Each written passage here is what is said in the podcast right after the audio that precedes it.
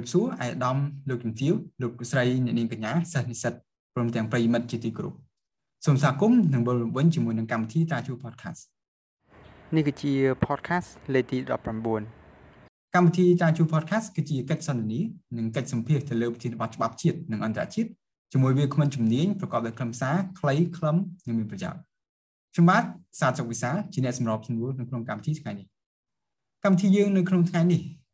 មានកិត្តិយសសូមនាំមកនៅប្រធានបទថ្មីមួយទៀតស្ដីពីគោលនយោបាយជំរុញពាណិជ្ជកម្មដែលមានការចូលរួមពីវាគ្មិនកិត្តិយសរបស់រឿងគឺកញ្ញាអឹមច័ន្ទបុរមីសូមជម្រាបផងដែរថាកញ្ញាអឹមច័ន្ទបុរមីបច្ចុប្បន្នជាអ្នកស្រាវជ្រាវដំបូងសមាគមស្រាវជ្រាវជូនិងជាប្រធានការិយាល័យអឺរ៉ុបនៅអគ្គនាយកដ្ឋានពាណិជ្ជកម្មអន្តរជាតិនៅក្នុងក្រសួងពាណិជ្ជកម្មកញ្ញាអឹមច័ន្ទបុរមីសូមជម្រាបសួរបាទចាសូមជម្រាបសួរវិសាល បាទដើម្បីកុំឲ្យខាតពេលយូរខ្ញុំបាទសូមចាប់ផ្ដើមនៅសំណួររបស់យើងតែម្ដងយើងដឹងហើយថាវិស័យពាណិជ្ជកម្មជាវិស័យមួយសំខាន់នៅក្នុងការជំរុញសេដ្ឋកិច្ចរបស់ប្រទេសមួយហើយពិសេសគឺប្រទេសកម្ពុជាយើងផ្ទាល់ហើយនេះហើយតម្រូវឲ្យមានការរៀបចំនៅគោលនយោបាយផ្សេងៗដើម្បីអភិវឌ្ឍនៅក្នុងវិស័យនេះ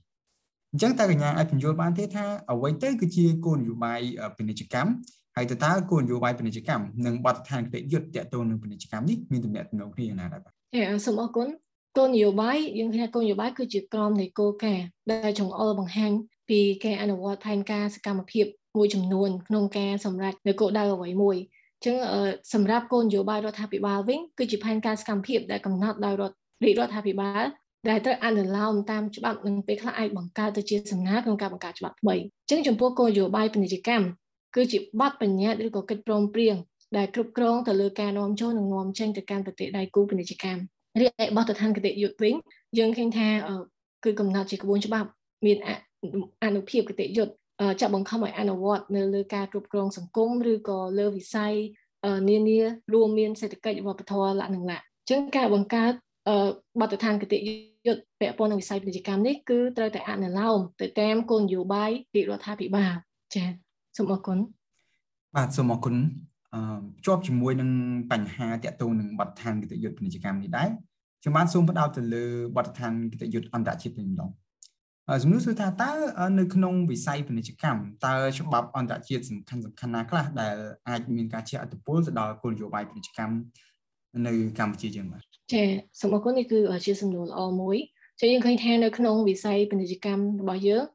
ច្បាប់ដែលច្បាប់អន្តរជាតិដែលមានសារៈសំខាន់ ក្នុងការជំរុញពាណិជ្ជកម្មកម្ពុជា គឺជាច្បាប់និងបទបញ្ញត្តិដែលកើតចេញពីកិច្ចព្រមព្រៀងក្រោមក្របខ័ណ្ឌអង្គការមួយចំនួនដែលយើងថាឃើញថាមានអង្គការពាណិជ្ជកម្មពិភពលោក WTO អង្គការកម្មសិទ្ធិបញ្ញា WIPO អង្គការកពិភពលោកឬនិងសន្និសិទអង្គការសហប្រជាជាតិស្តីពីពាណិជ្ជកម្មនិងការអភិវឌ្ឍអឺអ៊ុនតាតអញ្ចឹងយើងឃើញថាទាំងអស់នេះ គឺនៅមានបទបញ្ញត្តិផ្សេងផ្សេងទៀតនៅក្រោមអង្គការ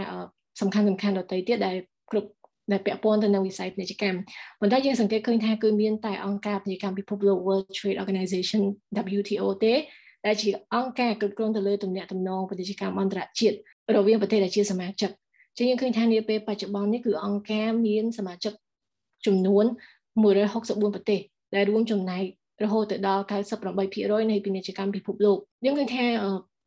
ដើម្បីលើកកម្ពស់កិច្ចការនុភាពប្រទេសកម្ពុជាជាថ្មីបន្ទាប់ពីសង្គ្រាមនិងអភិវឌ្ឍសេដ្ឋកិច្ចជាតិរបស់យើងនៅក្នុងឆ្នាំ1994រាជរដ្ឋាភិបាលកម្ពុជាក៏បានដាក់ពាក្យស្នើសុំចូលជាសមាជិកអង្គការពាណិជ្ជកម្មពិភពលោកហើយបន្ទាប់មកទៀតក៏បានទទួលសមាជិកភាពជាផ្លូវការនៅថ្ងៃទី13ខែតុលាឆ្នាំ2004កម្ពុជាគឺត្រូវធ្វើការបដិញ្ញាចិត្តអនុវត្តទៅតាមការសន្យា នៅពេលដែលស្នើសុំចូលជាសមាជិក យើងឃើញថាកិច្ចព្រមព្រៀងនៃ WTO គឺពាក់ព័ន្ធនឹងវិស័យជាច្រើនដែលរួមមានទំនិញកសិកម្ម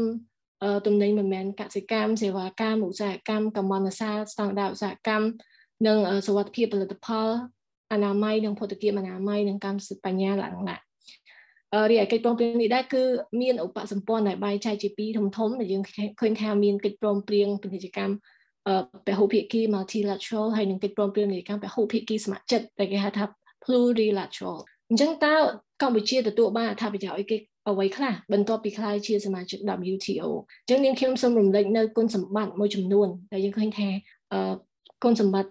ទី1នោះគឺយើងធ្វើឲ្យបរិយាកាសធុរកិច្ចនិងវិនិយោគរបស់ប្រទេសកម្ពុជាយើងគឺមានភាពប្រសើរប្រសើរឡើងតាមរយៈកំណែតម្រង់ច្បាប់និងបទបញ្ញត្តិ ទី2គឺទទួលបានការកាត់បន្ថយពន្ធក្នុងក្របខ័ណ្ឌប្រជាជាតិអនុគ្រោះបំផុត MFN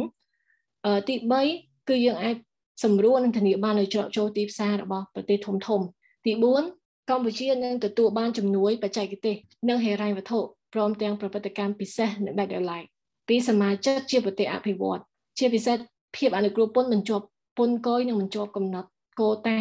ប្រព័ន្ធអនុគ្រោះពាណិជ្ជកម្មទូទៅ GSP ពីប្រទេសអភិវឌ្ឍនិ ងប្រព័ន្ធអនុគ្រោះពន្ធ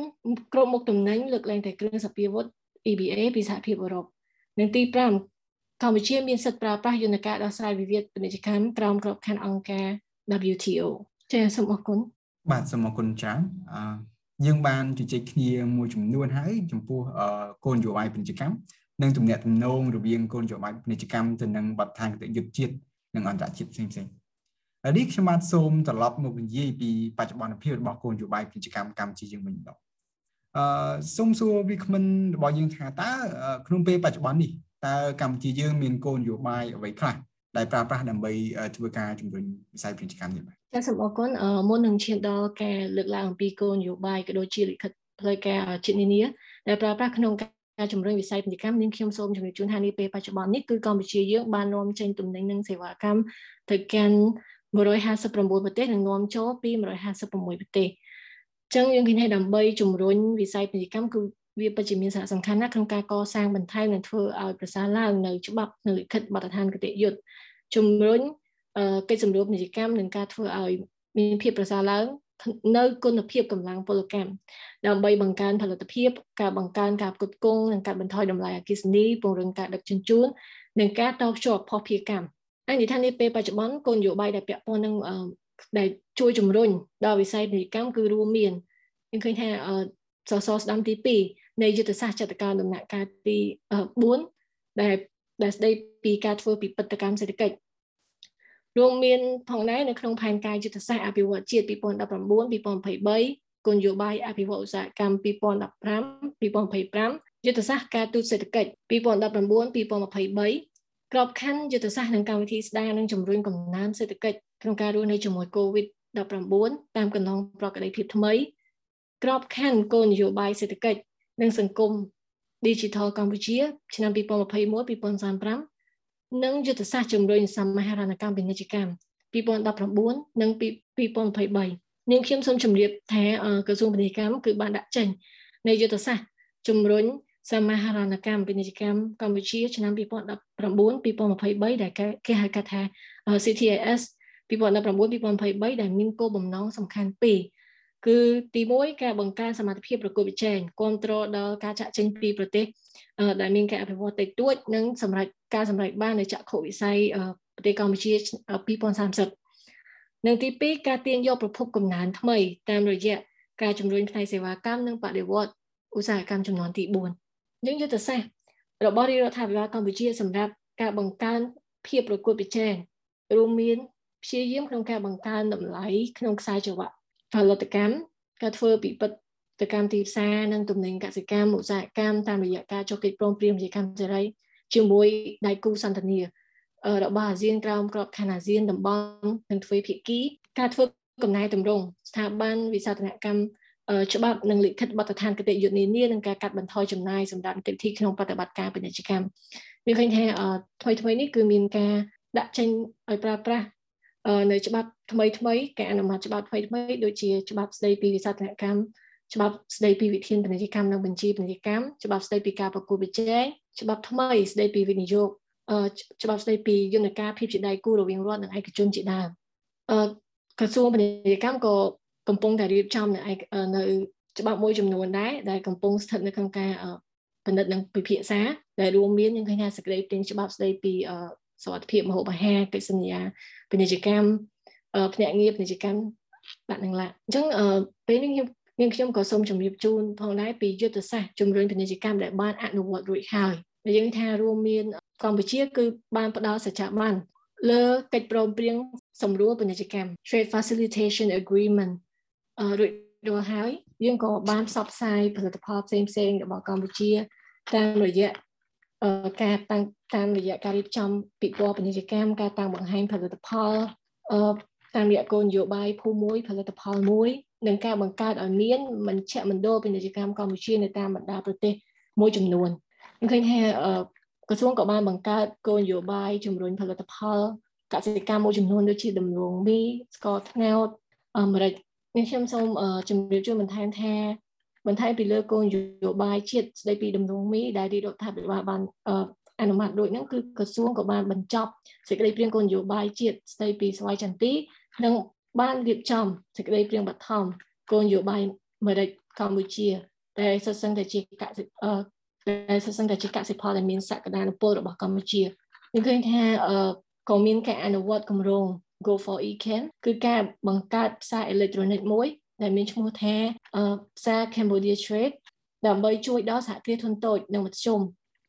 សម្រាប់លក់ផលិតផលខ្មែរនៅលើទីផ្សារក្នុងស្រុកនិងអន្តរជាតិតាមប្រព័ន្ធអនឡាញផងដែរការអនុវត្តធ្វើឲ្យមានភាពប្រសើរឡើងនៃការធ្វើពាណិជ្ជកម្មតាមប្រព័ន្ធអេឡិចត្រូនិកនៃកញ្ចប់ទំនិញខ្នាតតូចសម្រាប់សហគ្រាសខ្នាតតូចនិងមធ្យមដែលគេហៅថា set for SME ការគ្រប់គ្រងដល់វិស័យឯកជន ជាពិសេសគម្រោងជំរុញទីផ្សារសម្រាប់កសិករខ្នាតតូចយើងឃើញថាឥឡូវនេះក្រសួងក៏កំពុងតែសម្របសម្រួលរៀបចំបង្កើតមជ្ឈមណ្ឌលជំរុញអភិវឌ្ឍវិស័យស្មូនដីកម្ពុជានៅខេត្តកំពង់ឆ្នាំងវិស័យចម្លាក់ប្រាក់ស្ពាន់កម្ពុជានៅខេត្តកណ្ដាលនិងវិស័យចម្លាក់ថ្មកម្ពុជានៅខេត្តពោធិ៍សាត់ផងដែរហើយក្រសួងក៏ព្យាយាមក្នុងការបង្កើតកិច្ចព្រមព្រៀងពាណិជ្ជកម្មសេរីទ្វេភាគីថ្មីថ្មីដើម្បីធ្វើពីបដកម្មទីផ្សារ ដែលយើងឃើញថាកិច្ចព្រមព្រៀងពាណិជ្ជកម្មសេរីទ្វេភាគីដែលកម្ពុជាបានសម្រេចបានចំនួន2ដែលរួមមានកិច្ចព្រមព្រៀង FTA កម្ពុជាចិនដែលបានចុះហត្ថលេខានៅថ្ងៃទី5ខែតុលាឆ្នាំ2020ហើយនឹងចូលជាធរមាននៅថ្ងៃទី1ខែមករាឆ្នាំ2022រីឯកិច្ចព្រមព្រៀងទី2នោះគឺ FTA រវាងកម្ពុជានិងកូរ៉េដែលបានចុះហត្ថលេខាកាលពីឆ្នាំមុនថ្ងៃទី 26ខែតុលាឆ្នាំ2021និងបានផ្ដល់សច្ចាប័នថ្ងៃទី29ខែមករាឆ្នាំ2022ក៏ក្រុងនឹងចូលជាធរមាននឹងចូលជាធរមាននៅខែមិថុនាឆ្នាំ2022នេះដែរជាមួយគ្នាដែរនឹងខ្ញុំក៏សូមជម្រាបជូនអំពី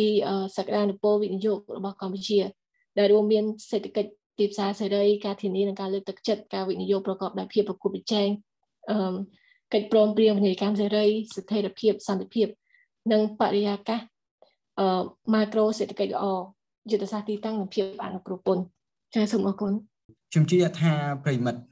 ពិតជាបានទទួលនៅចំណេះដឹងពោពេញទៅដោយខ្លឹមសារនិងអត្ថន័យច្បាស់លាស់ចេញពីវាគ្មិនជំនាញរបស់យើងនៅក្នុងនេះខ្ញុំបាទជំនួសមុខឲ្យក្រុមការងារតាជូ podcast សូមអរគុណច្រើនទៅដល់កញ្ញាអឹមច័ន្ទបូមី ដែលបានចំណាយពេលវេលាដ៏មានតម្លៃចូលរួមជាវាគ្មិនជំនាញនៅក្នុងកម្មវិធីយើងថ្ងៃនេះហើយក៏សូមអរគុណផងដែរចំពោះប្រិយមិត្តទាំងអស់ដែលបានបន្តស្ដាប់និងគាំទ្រកម្មវិធីតាជូ podcast របស់យើងខ្ញុំក្រុមការងារសន្យានឹងវិលត្រឡប់មកវិញជាមួយនឹងប្រធានបទពេញនិយមដើម្បីបន្តសកម្មភាពរបស់យើងក្នុងការបន្តចែកចាយចំណេះដឹងច្បាប់ខ្លីខ្លឹមនិងមានប្រយោជន៍ជូនដល់ប្រិយមិត្តទាំងឡាយកម្មវិធីរបស់យើងក៏បានឈានមកដល់ទីបញ្ចប់ អញ្ញាតឲ្យខ្ញុំបាទកញ្ញាអឹមច័ន្ទបរមីនិងក្រុមការងារលំអរកាយអរគុណនិងគោរពលា